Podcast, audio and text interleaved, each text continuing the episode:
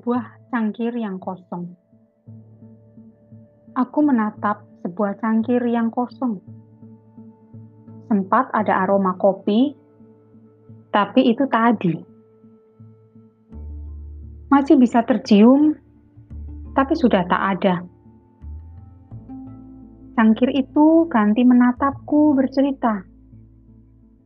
Katanya dia tidak hanya diisi kopi, tapi juga lainnya. Pernah teh, sirup, bahkan air putih dan susu. Tapi itu dulu. Aku memandangi cangkir kosong yang bercerita itu, lalu kuhirup nikmat udara di dalamnya. Dan tetap manis, kurasa. Cangkir kosong masih menatapku dan berkata, "Apa yang kau cari di dalam sana?" Tapi aku tetap menghirupnya.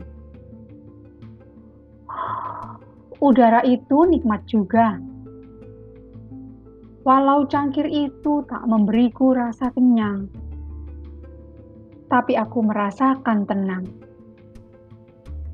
Tak perlu aroma, tak perlu tambah gula, sebab bagiku isi cangkir itu adalah makna. Aku memang benar menemukannya di sana. Buat cangkir kosong yang membuatku belajar lebih, akhir Maret 2010.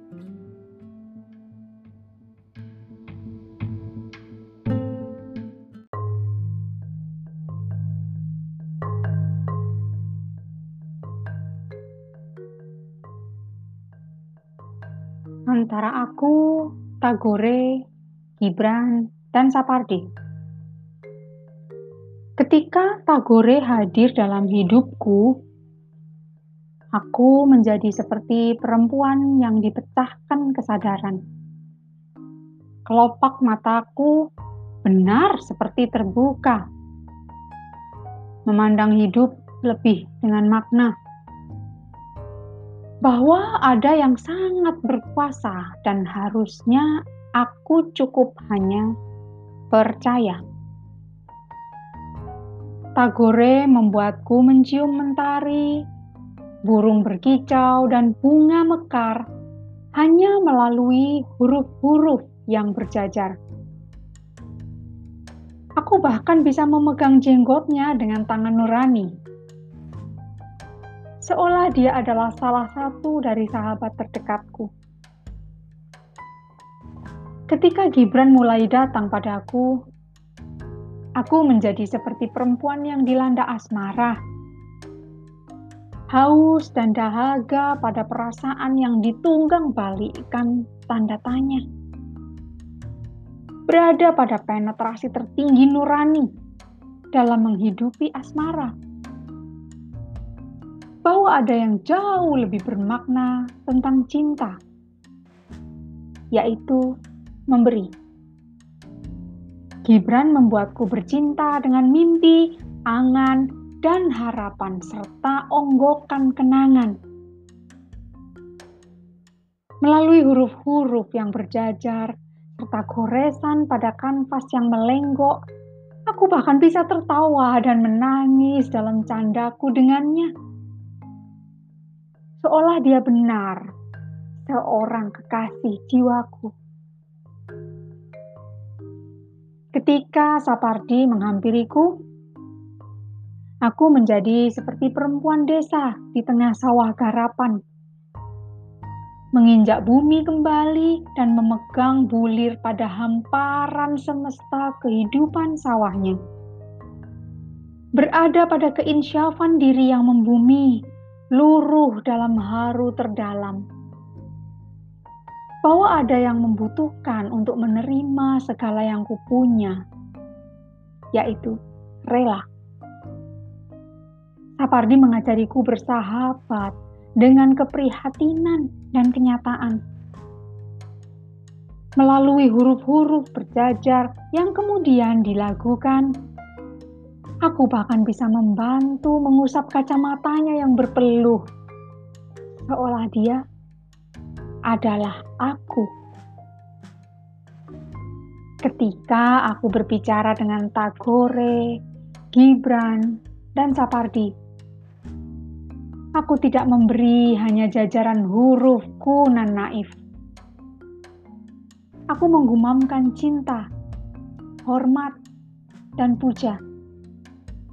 Seolah mereka adalah orang tua, guru, dan kepala dalam kompleksnya putaran batinku. Malang, Valentine 2011.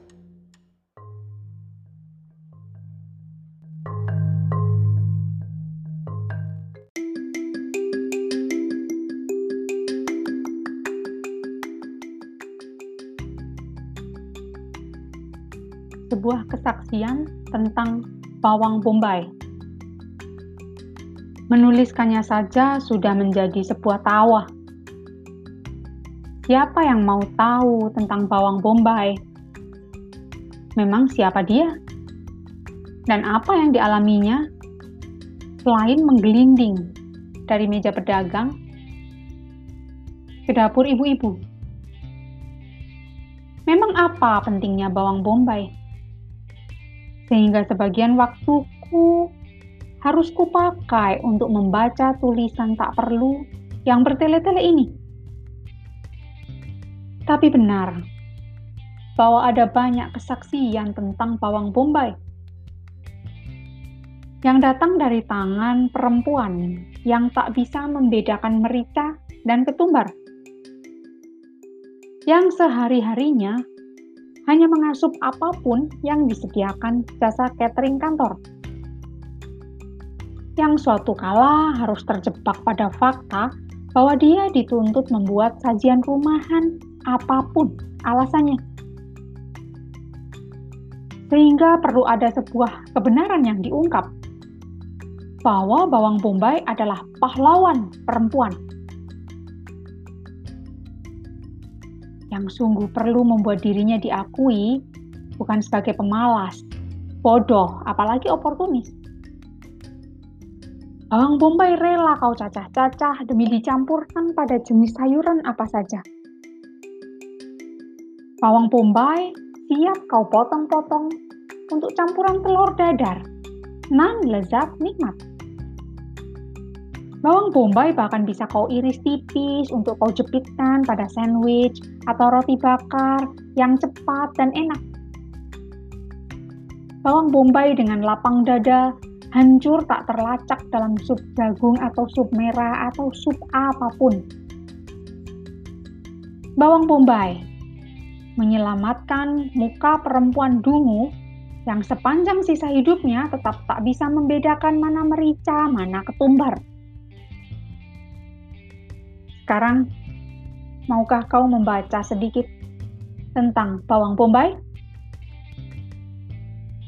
Februari 2011